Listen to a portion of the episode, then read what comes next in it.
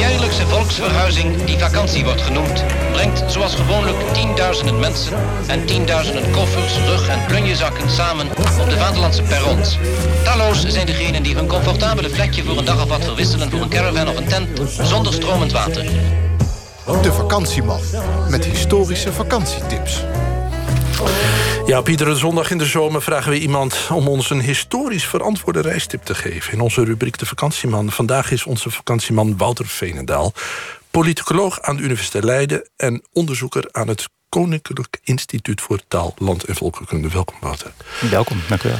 Je stuurt ons naar een eiland. We hadden het vorig uur ook over een eiland, Corsica. Maar je stuurt ons ook naar een eiland. Heb je iets met eilanden? Ik heb zeker iets met eilanden, ja. Mijn onderzoek eh, gaat eigenlijk voor een heel groot deel naar eilanden... en specifiek naar kleine eilanden... en hoe mensen daar met elkaar samenleven. En vooral ook hoe democratie werkt in hele kleine eilanden. Als jij je werkende leven besteedt aan het kijken hoe mensen op eilanden met elkaar samenleven, resulteert dat erin dat je juist wel of niet op een eiland zou willen wonen? Eh, ik denk, eh, ik heb ontdekt over de tijd heen... dat het het beste is om een tijdje op een eiland aanwezig te zijn. eh, maar meestal ben ik er niet langer dan een maand. En dan wil ik ook wel weer heel graag weg van het eiland. Omdat iedereen elkaar kent. Ja, omdat je toch merkt dat er heel sterke sociale controle is. Iedereen kent elkaar. Het is ook zo, als ik naar een eiland ga... eh, ik ben best wel lang, dus ik val ook heel erg op. Eh, dus mensen hebben al heel gauw in de gaten dat ik daar ben... en dat ik daar rondloop en interviews hou. Dus na een tijdje is het wel goed ook om het eiland weer vaarwel te zeggen. Ja, ik, ik, ik vind het grappig dat je zegt ik ben lang. Terwijl er is, er is een soort verschijnsel op eilanden van verdwerging. Hè? Ja. Dat olifanten worden daar heel klein op den duur. Maar dat, hebben we het weer over tijdschalen van miljoenen jaren. Maar je stuurt ons dus nu ook naar een eiland. Ja, ik stuur jullie naar eh, eigenlijk de hele andere kant van de wereld. Naar een eilandengroep die Vanuatu heet. Eh, Het is ongeveer drie uur vliegen vanaf Australië, ten oosten van Australië. En het is een eilandengroep of een archipel die uit 82 eh, verschillende eilanden bestaat. Ehm, en waar hele eh, verdeelde samenleving is. Dus heel veel verschillende soorten etnische groepen, religieuze groepen. Heel veel verschillende talen gesproken worden. Het is eigenlijk ja, een land met maar een kwart miljoen inwoners. Dus niet veel groter dan de stad Utrecht. Maar om een voorbeeld te geven, zijn meer dan 100 eh, verschillende actieve talen. Dus eh, ja, heel erg verdeeld. Ik zit even te denken, de, de eilanden in de Stille Oceaan... dat kunnen koraaleilanden zijn of vulkanische... Wat is Ja. dit? Dit zijn vulkanische eilanden. Dus het zijn eilanden met ook bergen. En eh, ja, een van de belangrijkste redenen om er naartoe te gaan voor toeristen is eh, dat daar de meest benaderbare actieve vulkaan ter wereld is. Dus een vulkaan op het eilandje Tanna, waar ik de, le- de luisteraars ook specifiek mee naartoe wil nemen. Waar je echt aan de rand van die krater kan gaan staan.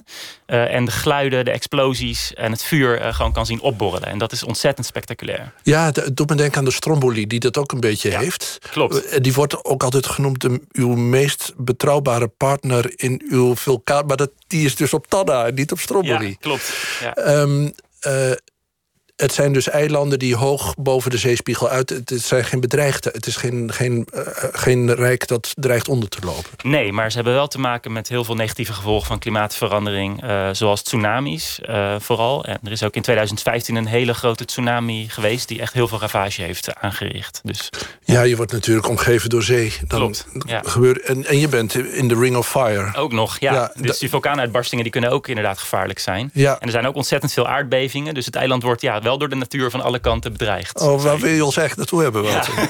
Ehm, jij doet onderzoek op die eilanden. Waarom, eh, wat voor soort onderzoek doe je daar?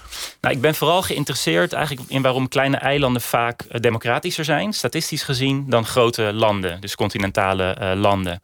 Zo is het onderzoek eigenlijk begonnen. En ik heb ja, de afgelopen tien jaar op verschillende eilanden in verschillende delen van de wereld onderzoek gedaan. Om uit te zoeken hoe het nou kan dat die eilanden politiek stabieler en democratischer zijn dan grote landen. En de uitkomst is eigenlijk dat iedereen elkaar kent. Eh, en dat het daardoor heel moeilijk is eh, voor een autoritaire machthebber bijvoorbeeld om heel veel macht naar zich toe te trekken of om zijn volk echt eh, te domineren. Maar dat heeft ook negatieve consequenties, zoals de sociale controle waar we het over hadden. En het feit dat politiek eigenlijk heel erg om personen draait en heel informeel van aard is vaak. Wil dus eigenlijk zeggen dat op eilanden, omdat je elkaar zo goed kent, hoef je ook niet al te veel praatjes te hebben over, la- over lange tijd genomen. Ja. Want ze weten natuurlijk ook van alles van je. Ja, ze weten van alles van je. Eh, iedereen kent elkaar. Iedereen heeft ook heel veel negatieve verhalen over elkaar. Dus iedereen kan elkaar ook pakken op eh, bepaalde geschiedenissen die ze van elkaar weten. Maar uiteindelijk zullen ze toch met elkaar eruit moeten komen. En dus zie je dat democratie in dat opzicht redelijk goed werkt. Dat iedereen zich ook ervan bewust is dat het maar een klein eiland is en dat het kwetsbaar is. niet alleen qua natuurgeweld, maar ook misschien voor buitenlandse invasies. Dus dat je met elkaar toch moet zien te rooien. omdat je het anders als land niet volhoudt. Wat mij opviel toen ik mij met eilanden bezig hield... was dat de omgangsvormen wel heel strikt zijn. Dus dat er hele strikte regels zijn op eilanden... over hoe je met wat je wel en niet mag doen. Ja. Is dat ook iets wat jou opvalt? Ja, wat je heel snel ziet op een klein eiland... is dat als iemand eigenlijk een afwijkende mening verkondigt... of een bepaalde manier van kritiek levert... dat eigenlijk niet de bedoeling is... dat iemand dan heel snel in sociaal isolement uh, kan worden gezet. Want dat wordt inderdaad niet uh, getolereerd. Dus er is eigenlijk een soort... Ja, je zou het bijna een sociale code kunnen noemen... van dit zijn onze omgangsvormen. En als je je niet op die manier gedraagt... dan uh, hoor je er niet echt bij. Dan ben je niet een echte eilandbewoner. Dus dan kan je maar beter beter naar het vasteland vertrekken. Dus, en, en als het een tijdje uh, zo loopt dat het jou niet bevalt... Dan, dan hou je gewoon een tijdje gedijst. Want de wind uh, verandert wel eens. En dan komt er wel een tijd dat voor jou het, uh, het tij mee zit. Ja, klopt. Ja. ja. of je, wat je heel veel ziet, uh, kleine eilanden... is dat jonge mensen die uh, zichzelf willen ontwikkelen... of die afwijkende mening hebben... dat die naar het buitenland vertrekken en ook niet meer terugkomen. Nee. Dus, ja. je, je, hebt het al over het buitenland. Hè? Want dus ja. als op het moment dat je van het eiland afgaat... dan kom je in een ander land terecht. Ja.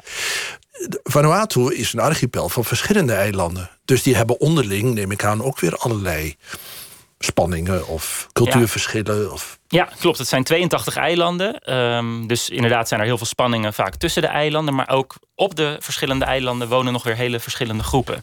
Dus veel van die eilanden zijn kleiner dan bijvoorbeeld de Waddeneilanden in Nederland. Maar er wonen er toch uh, zijn er, worden toch bijvoorbeeld drie verschillende talen gesproken. Of zijn er toch drie verschillende clans die historisch gezien een slechte relatie met elkaar hebben.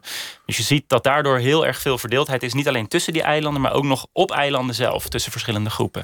Ja, dan, dan heb je natuurlijk wel een, een soort bindend principe nodig. Want anders, uh, ja, anders valt het uit elkaar natuurlijk. Ja, Klopt. En wat je ziet is dat eigenlijk traditioneel gezien... traditionele leiders, of chiefs heten die in de Pacific... Uh, zijn eigenlijk ja, een soort stamhoofden zou je kunnen zeggen. Die spelen daarin een hele grote rol. Uh, en zeker tot uh, de democratie geïntroduceerd werd. Nou, dat is in Vanuatu in de jaren 70 of jaren 80 pas gebeurd... dat mensen echt mochten gaan stemmen. maar je ziet eigenlijk in alle landen in de Grote Oceaan... zeker ook in Vanuatu, dat er dus nou, twee politieke systemen eigenlijk naast elkaar bestaan. Het democratische westerse systeem, wat vaak niet zo goed functioneert uh, als uh, in de westerse wereld. Uh, en het systeem van traditioneel leiderschap, waar mensen eigenlijk veel meer vertrouwen in hebben. Kapitein op een schip. Ja, ja. precies. Een van die eilanden heet Tanna. Ja. Je ogen beginnen te glimmen. Waarom? Nou, vanwege die vulkaan, zoals ik al zei. Ja. Uh, en die vulkaan uh, die heeft er ook voor gezorgd dat er op Tanna een aantal hele bijzondere religies uh, ontstaan zijn. Dus Vanuatu is overwegend nu christelijk, maar er zijn ook nog heel veel natuurgodsdiensten. En ook heel veel mengvormen daartussen. En op Vanuatu is in de Tweede Wereldoorlog zo'n hele interessante mengvorm ontstaan. En die heet de John Frum beweging. En dat is een zogenaamde cargo cult, um, die eigenlijk ontstaan is op het moment dat een ja, heel onderontwikkelde uh, uh, maatschappij, die eigenlijk tot dan toe nog helemaal geen contact heeft gehad met de buitenwereld, ineens geconfronteerd werd in de Tweede Wereldoorlog met ontzettende materiële welvaart. Want je moet je voorstellen in de Tweede Wereldoorlog dat er ontzettend hard gevochten is in de Pacific, natuurlijk tussen de Amerikanen en de Japanners. En de Amerikanen waren bezig om elk eilandje op de Japanners terug te veroveren. Uh, en ineens kwamen ze dus ook op Tanna met ontzettende, nou ja, de meest geavanceerde militaire voertuigen en technologie. Even, want, van die want tijd. was Vanuatu door Japan ingenomen? Nee, Vanuatu was niet door Japan ingenomen, maar lag wel heel strategisch. Oh juist, dus het is gewoon door de Amerikanen gebruikt als uitvalsbasis. Ja, ah, eigenlijk ja. wel, ja. En die mensen wonen daar en zagen dus ineens die Amerikaanse militairen daar uh, komen en konden eigenlijk niet verklaren hoe uh, mensen die spullen die ze allemaal meenamen uh, zelf konden maken. Dus de enige manier waarop ze dat konden verklaren is dat dat spullen waren die door de goden aan de Amerikanen gegeven waren. Uh, en die eigenlijk voor de eilandbewoners bestemd waren. Want ze waren wel op dat eiland afgeleverd. Dus op die manier is eigenlijk die cargo cult ontstaan. en zijn ze dus op Vanuatu um, met kokosnoten, met stro, met gras, uh, allerlei um, dingen van de Amerikanen na gaan bouwen, zoals landingsbanen en ook hele vliegtuigen. Uh, om die te imiteren en op die manier eigenlijk te hopen dat die spullen, die materiële goederen, ook allemaal naar hun vervoerd zouden worden. Is, is het zo dat ze daar een soort totems van maakten die, die ze dan ook weer aanbaden? Of Nee, de, de, binnen de John Frum-beweging is het John Frum. Uh, dat is waarschijnlijk afgeleid van een Amerikaan die daar gekomen is... en die gezegd heeft, I'm John from America. maar nu wordt hij just John Frum genoemd. En dat is eigenlijk de godheid ja. Uh, die ze daar aanbidden. En ze geloven dus ook heel erg dat die in Amerika is. Dus je ziet nog steeds elk jaar op 15 februari... Is er een, wordt er een hele militaire parade gehouden... en hebben mensen USA op hun borst uh, geschreven. Dus in de hoop dat die Amerikaanse god... Uh, ooit weer terugkomt. En dan die oh, dus de, het is wel een wederkomstgodsdienst. Ja, dus zeker. in feite is John Frum is een soort messias. Ja, is eigenlijk een soort messias waarvan ze hopen dat hij weer terugkomt. En een andere messias die op het eiland ook aanbeden wordt is Prins Philip. Oh. Uh, ja, daar hebben ze ook uh, een heel bijzondere band mee. Die is één keer op het eiland geweest. Maar, maar ook... hebben twee messiassen. Ja, precies. Maar dat is een andere uh, beweging weer. Dus okay. er zijn heel veel verschillende cargo cults op dat eiland. John Frum is de belangrijkste, maar je hebt ook dus de Prins Philip beweging. Ja. En als je op dat eiland komt, um, maak je daar dan kennis mee? Dat kan. Dus je kan naar die dorpjes gaan waar de aanhangers van die beweging nog steeds uh, wonen. Uh, en de meeste daarvan zijn rond die vulkaan. Want mensen konden natuurlijk ook vroeger niet verklaren hoe zoiets als een vulkaan uh, kon bestaan. Dat had ja. ook een goddelijke oorsprong volgens hun.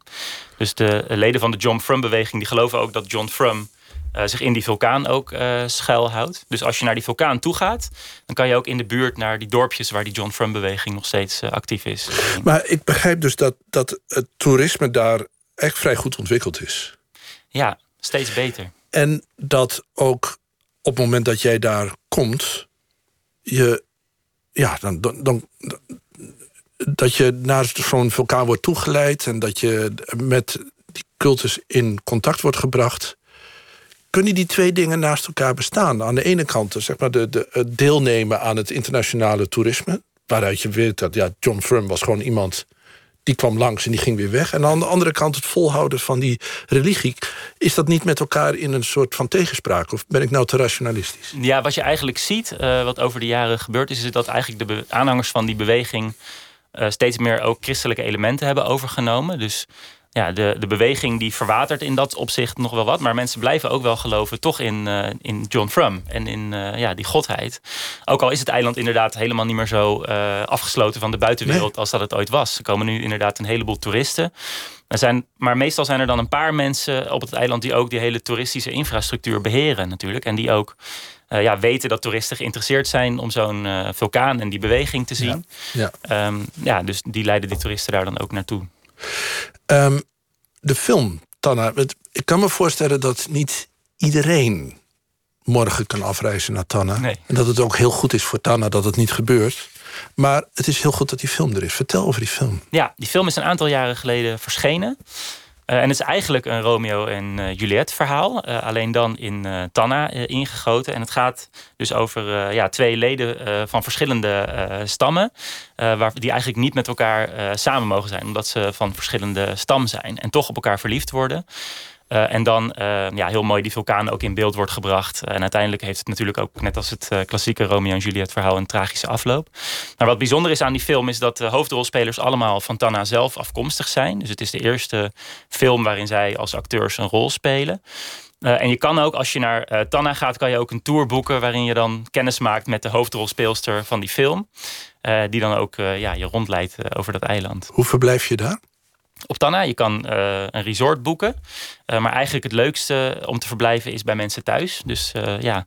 Een soort Airbnb? Ja, een soort Airbnb. meestal op vrij onderontwikkelde plek. Maar wel heel bijzonder om dan ja, die vulkaan de hele tijd s'nachts op de achtergrond te horen. En, ja. ja, lekker eten? Niet zo. Ik was niet zo onder de indruk. Oh, nee. nee. Uh, je zou denken, ze liggen midden in de oceaan, dus er wordt heel veel vis gegeten, lekkere vis. Maar eigenlijk eten mensen vooral uh, taro. Dat is een bepaalde soort plant die ja, ik heel droog uh, vind smaken en niet heel erg lekker. Dus nee. Misschien mag je wel geen vis eten van John Frum. Precies. Oké, okay. um, Wouter Veenendaal, heel erg bedankt voor je komst. Voor wie nog op zoek is naar last minute reisinspiratie... of alweer droomt van de volgende zomer... neem eens een kijkje op onze site vpro.nl schuine OVT. Daar hebben we de tips van de afgelopen jaren verzameld en op een kaart gezet.